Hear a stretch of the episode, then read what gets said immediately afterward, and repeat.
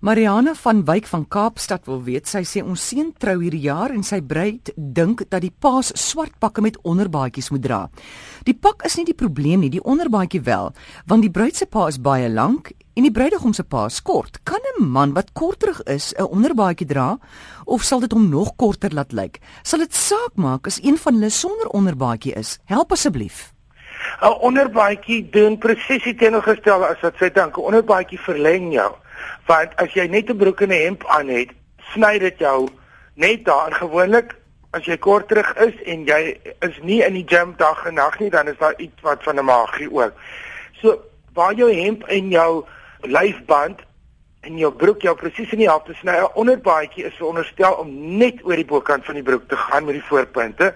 Wat beteken is alles in een kleur.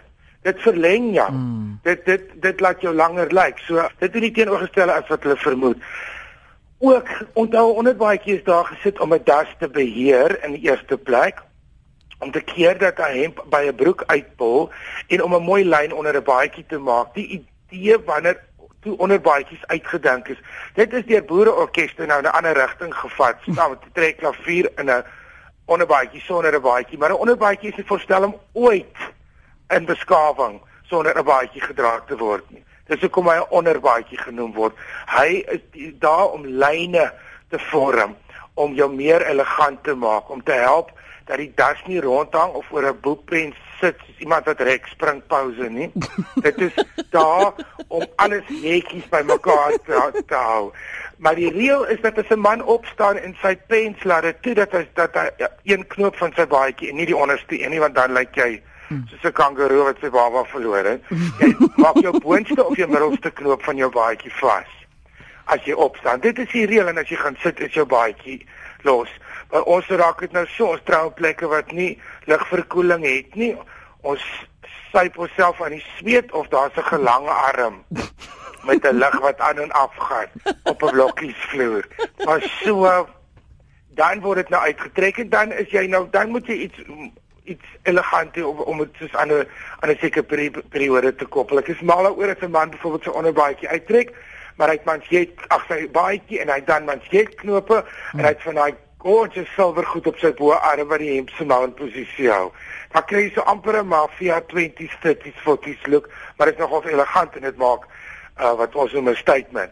Maar maar glad nie. Ek het baie van die idee dat die pa swart dra en nie soos die tafels gedek word nie en die onderbaadjie is nie 'n probleem vir 'n kort mensie dit doen die teenoorgestelde dit vlak jou langer ja. lyk. So sien nou maar hulle kry warm. Hulle wil die baadjie uittrek, moet hulle dan die onderbaadjie ook uittrek.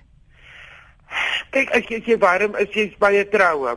Jy is nie daar, jy bou nie 'n huis vir charity nie en so. Jy gaan 'n bietjie warm kry as jy opstaan as jy baadjie aan. Dit is die etiket, verstaan? As jy nou wil maak wat jy wil, dan moet jy nie vir my bel nie. Ek kan vir jou net help met die etiketreëls. Etiket is as jy opstaan as jy baadjie aan by 'n formele geleentheid en hy's toegeknoop.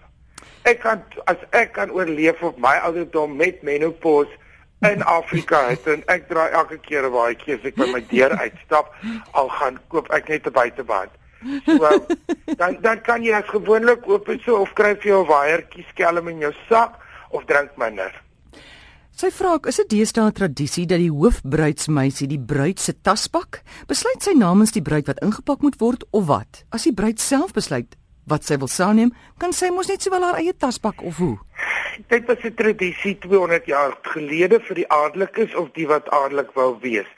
Dit het ook begin met 'n honeymoon, dit onthou oorspronklik in die goeie families vir alles adellikes of landlords of goed getrou is, dan was almal mos om die tafel en die en dan kamer toe en dan is die bruid ontkleen aangetrek en die twee in die bed ingejaag en dan het almal om die ding gestaan en gespanne gewag of die bruid haar lelie verloor of nie.